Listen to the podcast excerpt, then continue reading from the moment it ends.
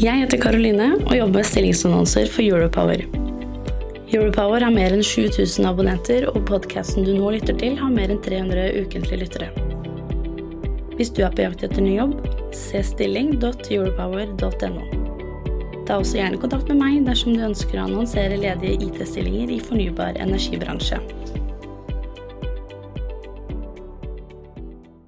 Du lytter til lyden fra en videosending med journalist Magnus Linjære i Europower.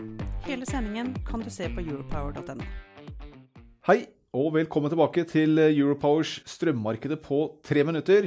Vi ser nå at eh, spotprisene de går sakte, men sikkert, og i litt hopp og sprett, nedover. Og det er eh, det samme mønsteret som vi har sett en god stund. Altså Sør-Norge henger oppe med ganske høye, fortsatt høye priser sammen med prisene på kontinentet, altså England, Tyskland, Nederland. Mens i nord så er det vesentlig lavere priser, men de også er eh, på vei nedover den eh, siste tiden. Noe av dette her, det skyldes eh, selvfølgelig at vi går inn mot sommeren, lavere forbruk i markedet, men det skyldes også noe råvarepriser. Og den viktigste råvaren for prissetting av strøm i Europa nå, det er jo gassprisen. Og siden sjokket i gassmarkedet i fjor, så har jo prisene kommet veldig mye ned i forhold til det. Som skyldes da gode gasslagre og god forsyning av gass inn til Europa. Det gjør jo at risikopremien i eh, gassprisen den blir redusert. Og Ser vi på litt sånn kortere bilder på gassprisen, så ser vi at uh, faktisk siden nyttår så har altså prisen mer enn halvert seg i spotmarkedet på gass. da.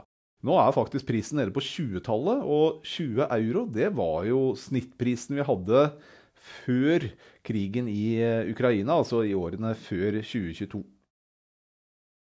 For å handle gass frem i tid, så ligger det fremdeles noe risikopremie i eh, markedet. Det vil si altså til vinteren og de neste to årene så, så, forlanger altså selgerne i markedet en eh, noe høyere pris enn det man får kjøpt i spotmarkedet. Det er ikke veldig uvanlig at det ligger en risikopremie der, og det kan godt hende at eh, den er også litt overdrevet i forhold til det som er reelle situasjonen. Men noe er det iallfall, og sånn sett så er ikke den krisen helt over. I det litt eh, kortere bildet så har vi sett eh, spotpriser som eh, er veldig uvanlige for Norges del. Og vi hadde jo 17. mai bl.a., hvor alle fikk betalt noen timer for å bruke strøm.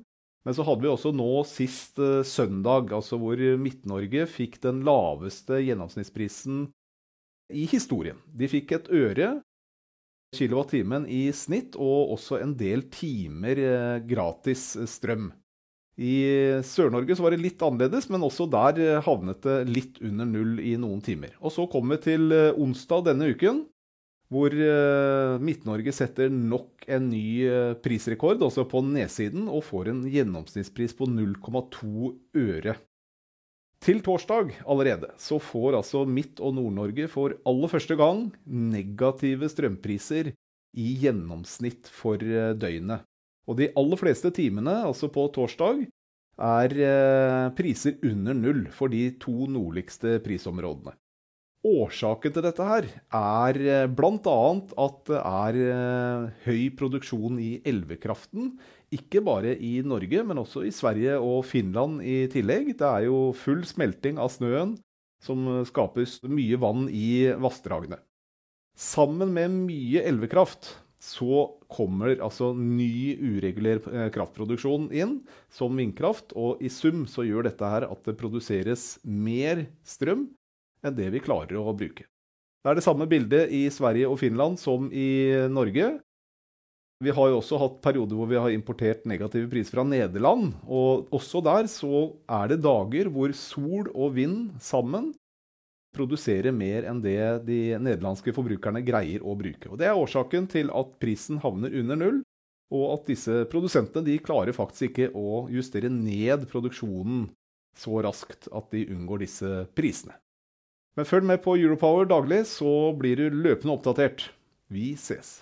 Du lytter til lyden fra en videosending med journalist Magnus Linjære i Europower. Hele sendingen kan du se på europower.no. Jeg heter Karoline og jobber med stillingsannonser for Europower.